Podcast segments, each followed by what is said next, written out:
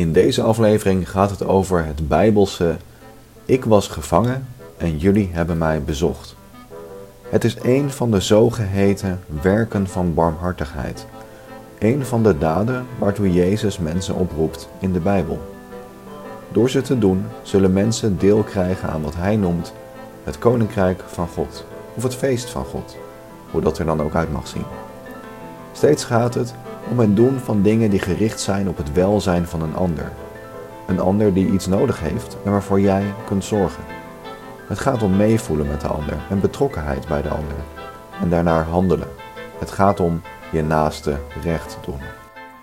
Dat klinkt misschien groot en ingewikkeld, maar is er dat wel? En vandaag zit ik hier met Arnoud van der Meen. Arnoud, we zijn hier eh, uitgenodigd op jouw werk, de Forensisch Psychiatrische Kliniek in Assen. Uh, we moesten ook door een, een beveiligingspoortje heen. Uh, ja, hoe, hoe kan dat? Wat is dit eigenlijk voor locatie? Ja, dit is de Forensische Kliniek, onderdeel van GGZ Drenthe. En in een forensische kliniek, het woord zegt het al, daar worden mensen opgenomen die een delict hebben begaan onder invloed van een psychiatrische problematiek, stoornis.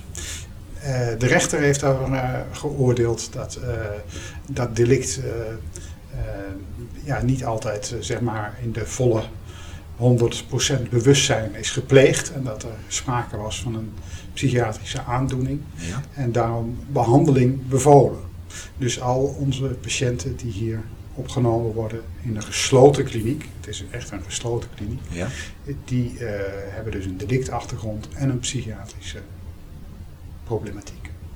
Oké. Ja.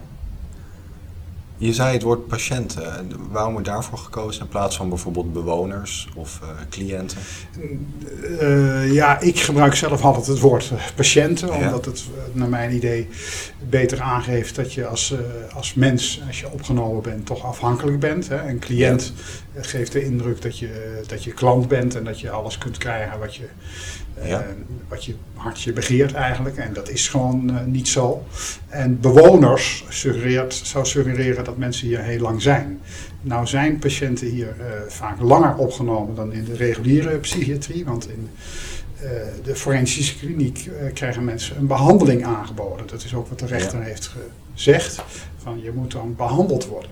En ehm, als je die behandeling niet doet, dan stuur ik je weer terug naar de gevangenis of leg ik je een andere straf op.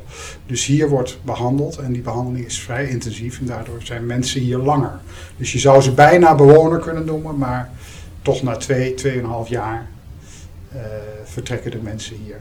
En Oh, oké. gaan ze uh, richting de vervolgwoonvormen. Ja, dus bij een reguliere psychiatrische zorg uh, zou een patiënt zich ook meestal vrijwillig laten opnemen. En dat is hier anders. Hier is er altijd uh, sprake van dwang. Uh, in de reguliere zorg kan dat ook. Hè. Dan Ja. heb je ook mensen die in een crisis. Maar die, maar die dwang duurt meestal korter. Hè, die duurt maar zes weken of Ja. drie weken. En eh, in het ergste geval zes maanden. Maar hier kan het eh, steeds ook verlengd worden. Iedere twee jaar eh, ziet de patiënt de rechter opnieuw.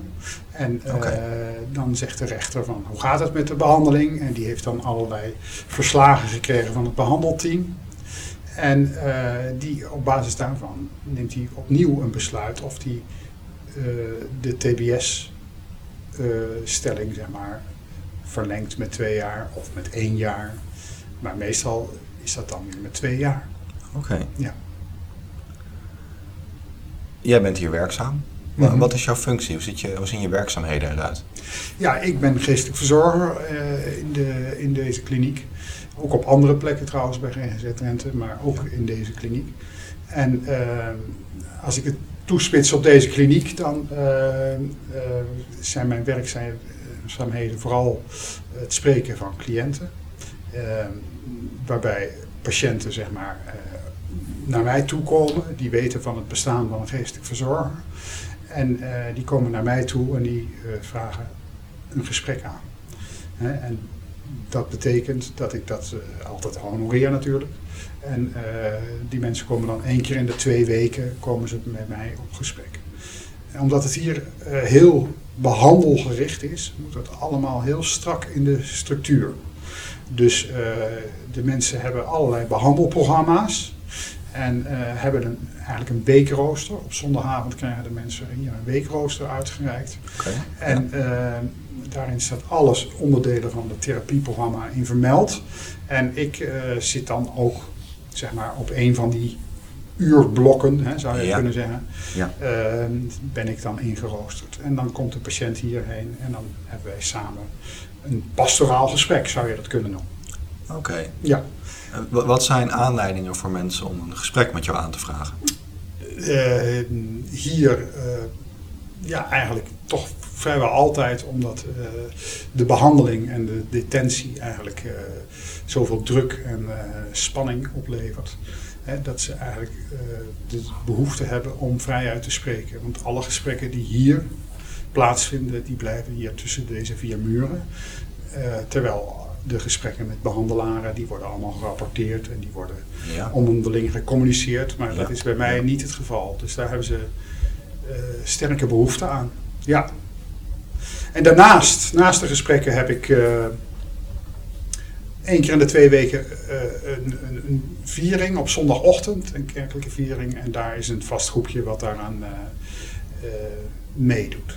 Oké. Ja, dat zijn eigenlijk voornamelijk de activiteiten. Ik draag ook bij aan eh, moreel beraad, bijvoorbeeld wat op afdelingen. Eh, Oké.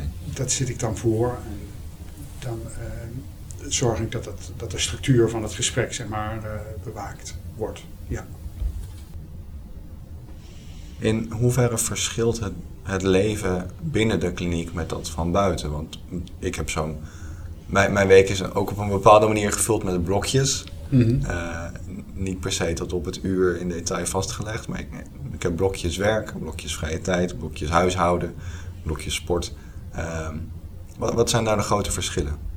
Nou, het grootste verschil is dat als je hier opgenomen bent, dat je 24 uur per dag, 7 dagen in de week wordt geobserveerd. Niet alleen door camera's, maar ook, vooral ook door mensenogen. Zeg maar. Dus je hebt eigenlijk nergens moment met jezelf. Ja, behalve als je hier op je kamer zit, dan, Ja. dan, dan, dan ben je even met jezelf. Ja. Dus dat is het hele grote verschil. Dat hebben we buiten in veel mindere mate. Ja. En voor de rest ehm, zijn al die observaties erop gericht eh, dat jij als mens verandert, dat je je gedrag verandert, dat jij eh, ja, een beter mens wordt. Ja. En, En- dat is ook de druk die patiënten ervaren, En waardoor dat- ze met jou komen praten. Ja, Ja. dat is de druk die mensen ervaren. Nou, voor de rest is het eh, misschien wel vergelijkbaar met het leven van alle dag. Want eh, mensen leven hier allemaal in een groep. En in een groep moet er natuurlijk gegeten worden. En er moet gekookt worden. En er moet koffie gedronken worden. En er Ja. moet eh, ook af en toe gesprekken gevoerd worden. Eh er moet eh, tv gekeken worden. Dus dat is eigenlijk allerlei. dat zijn allerlei dingen die we in het normale leven misschien ook wel doen. Eh, dus dat is vergelijkbaar. Maar dan nog is het altijd, eh, als je tv kijkt, als je samen naar een film kijkt of als je samen een voetbalwedstrijd bekijkt, dan is er altijd een verpleegkundige eh, die toekijkt en observeert. Dus je zult je nooit echt vrij voelen. Oké. Hoe, hoe ben je ooit bij dit werk gekomen?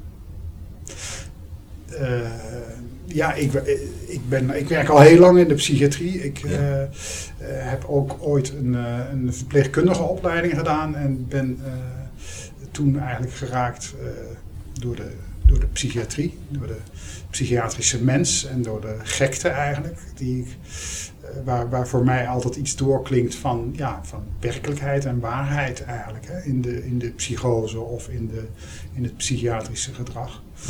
En eh, ik had toen ook al theologie gestudeerd en heb dat toen eh, zeg maar gecombineerd en in de psychiatrie gebleven. Ik vind het ook eigenlijk het meest afwisselende werkveld als ik het eh, vergelijk met de verstandelijk gehandicaptenzorg of de ziekenhuiszorg. Hier is eigenlijk alles en iedereen iedere dag weer nieuw. En ehm, ja, zo ben ik eigenlijk in de psychiatrie verzeild en ja, mijn hart verpand aan de psychiatrie. Ook bijzonder. Ja, Ja. Je bent eh, theoloog ook. Ja. Dus je bent vast bekend met de zeven werken van barmhartigheid. Mhm. Ja. Nou hebben we het nu natuurlijk over het werk, het bezoeken van de gevangenen. Zou je zeggen dat jouw dagelijks werk wel onder die categorie valt? Ja, ik, ja, ja, nou, ja en nee. Eh, het mooie van die tekst eigenlijk, hè, van die werken van barmhartigheid, is eh, eh, dat Jezus eigenlijk daarna vraagt hè, of, of je dan gevangenen of zieken bezocht hebt. En dat het antwoord eigenlijk is van de schapen van hoezo heb ik, eh, heb ik gevangenen bezocht of hoezo heb ik zieken bezocht. Ik was me daar helemaal niet van bewust. Nee. Dus heel veel dingen in ons leven eigenlijk doen we gewoon eh, zonder daar echt bewust van te zijn. En eh, zo kijk ik toch ook wel een beetje naar mijn werk hier in de forensische kliniek. Want kijk, dit zijn weliswaar gevangenen. En ik bezoek ze natuurlijk ook vanuit mijn professionaliteit natuurlijk. Hè. Dus ik Ja. ben ook niet helemaal eh, een, een vreemde voor ze. Eh, maar ik, eh, ik zie het toch gewoon eigenlijk als mens. En in mijn werk is iedereen een mens, of je nou beschadigd bent of niet beschadigd, of gek of zogenaamd normaal. Ieder, ieder mens is, er, is een mens om gezien te worden, die vraagt om gezien te worden. En deze mensen, wat mij betreft, dan eh, nog weer net iets meer dan de mens misschien buiten op straat. Dus eh, ja, die zeven werken van barmhartigheid. Ik heb het hier ook wel vaker met, eh, met patiënten zeg maar, in, de, in, de Ja. kerkdienst over, over die zeven werken. Ja. En het is een hele, hele mooie tekst natuurlijk. Het is een prachtige tekst eigenlijk, ja. Die, dat scheiden is natuurlijk wel weer heel oordelend eigenlijk. Hè? Dus als je dat als eerste beluistert, dan zou je denken van ja, patiënten hier die opgenomen zijn en een delict hebben begaan, die zullen zeggen van ja, maar dan, dan hoor ik dus eh, duidelijk niet bij de groep die uitverkoren is. Want ik heb foute dingen gedaan en ik Ja. heb helemaal niet gelet op anderen of ik heb helemaal geen aalmoes gegeven of ik heb Ja. helemaal... Dus eh, dat, zo'n tekst roept heel veel op bij mensen. Maar dan verwijs ik toch altijd naar dat stukje van ja, dat je het ook gewoon niet bewust was dat je dingen deed. En dat het eigenlijk belangrijk is om als mens bewust te handelen. Nou ja, dat is op zich wel een opdracht, dat moet je iedere Ja. dag... eh, ja, dus Oh, bijzonder dat je het ook met de patiënten daarover kan hebben. Ja, dat is natuurlijk wel eh, mooi van... eh, dat vind ik ook mooi aan, aan liturgie, hè, aan, aan, aan, eh, kerk, zo je wilt. Dat dat toch een vorm biedt om bij een tekst, bij een verhaal stil te staan. Dat, is eigenlijk, dat kun je eigenlijk nergens anders doen. Dus je kunt wel misschien op woensdagavond ergens gaan zitten en dan een verhaal lezen en het daar met elkaar over hebben. Maar als we hier in het stiltecentrum zitten, in die kring, ook beperkt ook, dan is er altijd eh, ja, ergens iets wat draagt en waardoor er ruimte ontstaat om, om met elkaar in gesprek te komen. Want je kunt je ook voorstellen dat dit allemaal individuen zijn die best wel moeite hebben om met elkaar in gesprek te komen. Die Ja. eerder eh, naar de ander kijken als niet te vertrouwen of wantrouwig zijn of boos. Of, Ja. hè? Maar dat er dan hier een moment is dat je over dit soort dingen met elkaar kunt spreken, dat, is, ja, dat geeft energie. Volgens mij is dat kerk eigenlijk. Ja. Ja, ja, dat is gemeenschap. Ja. De, de patiënten die naar die kerkdiensten komen, of, of überhaupt de patiënten, zijn die gelovig? Ja, sommigen wel, sommigen niet. Ja. Ja, sommigen niet. De, ja, de meeste mensen worstelen natuurlijk gewoon met wat er in hun leven gebeurd is. Ja. En het Ja. is natuurlijk vreselijk als je je bewust bent van het feit dat er zulke erge dingen zijn gebeurd. En dat er een delict is eh, voortgevloeid uit, uit jouw gedrag. Ja. En eh, dat is haast ondraaglijk om daarmee te leven. Dus ehm, ja, om dat in je hoofd en in je, in je levensverhaal zeg maar weer opnieuw een plek te geven en eh, te ordenen, dat, daar heb je heel veel tijd voor nodig. En dan is het heel zinvol als je met elkaar in gesprek gaat. Want dat lukt je niet alleen. Ja, dus naast dat uh, de patiënten nou ja, in een zekere zin fysiek gevangen zijn hier, kunnen ze misschien ook gevangen zijn in hun psychiatrische klachten of in een gevoel van schuld. Ja, ja schuld en schaamte. En, uh, maar ook bijvoorbeeld uh, een begrip als God, hè, als vader. Ja. Ehm, dat speelt een hele belangrijke rol. Enerzijds de troostende vader, maar anderzijds is het ook, verwijst het ook naar de vader die in hun eigen leven vaak helemaal niet troostend was en niet aanwezig is geweest. Ja. Uh, net als de moeder, die vaak ook heel erg op, op afstand stond of die niet de liefde en de zorg en de aandacht heeft kunnen geven. Ja, waar je eigenlijk als mens op rekent of waar je zo naar verlangt. En uh, uh, ja, daar, dat, is, dat is een ontzettende puzzel waar je als mens dan uit moet komen. En het lijkt erop, in onze wereld vind ik steeds meer eigenlijk, dat, dat wij dat alleen uit moeten vinden. Hè? En uh, dat we daar alleen een weg in moeten vinden. Maar je kunt het niet alleen, je hebt eigenlijk elkaar nodig. Al was het maar als spiegel of als Ja. gesprekspartner. Als, ja. Vandaar een, ja, mis- misschien wel zelfs een roeping voor je om hier te zijn. Ja, dat vind ik, eh, dat is zeker een roeping. Maar goed, ik, ik ga eruit eigenlijk vanuit dat ieder mens eigenlijk geroepen is. Hè? Want eh, dat, dat geldt natuurlijk ook voor verpleegkundigen en ook voor de mensen die hier opgenomen zijn. Die hebben allemaal, die zijn geroepen om, ja, om, om hun leven vol te maken en, en, en eh, ja, te vervol maken eigenlijk, zou je kunnen zeggen.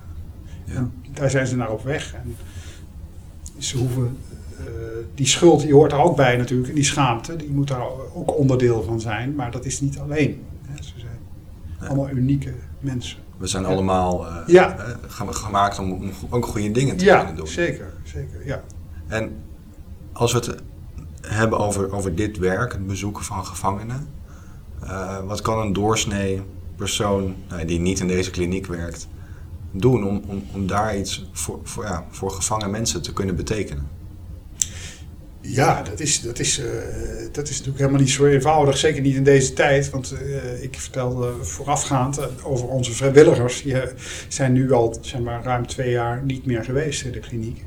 En dat waren vrijwilligers die actief waren in en rondom de Adventskerk. Ja. Hè, en dan iedere twee weken zeg maar, de dienst bijwoonden.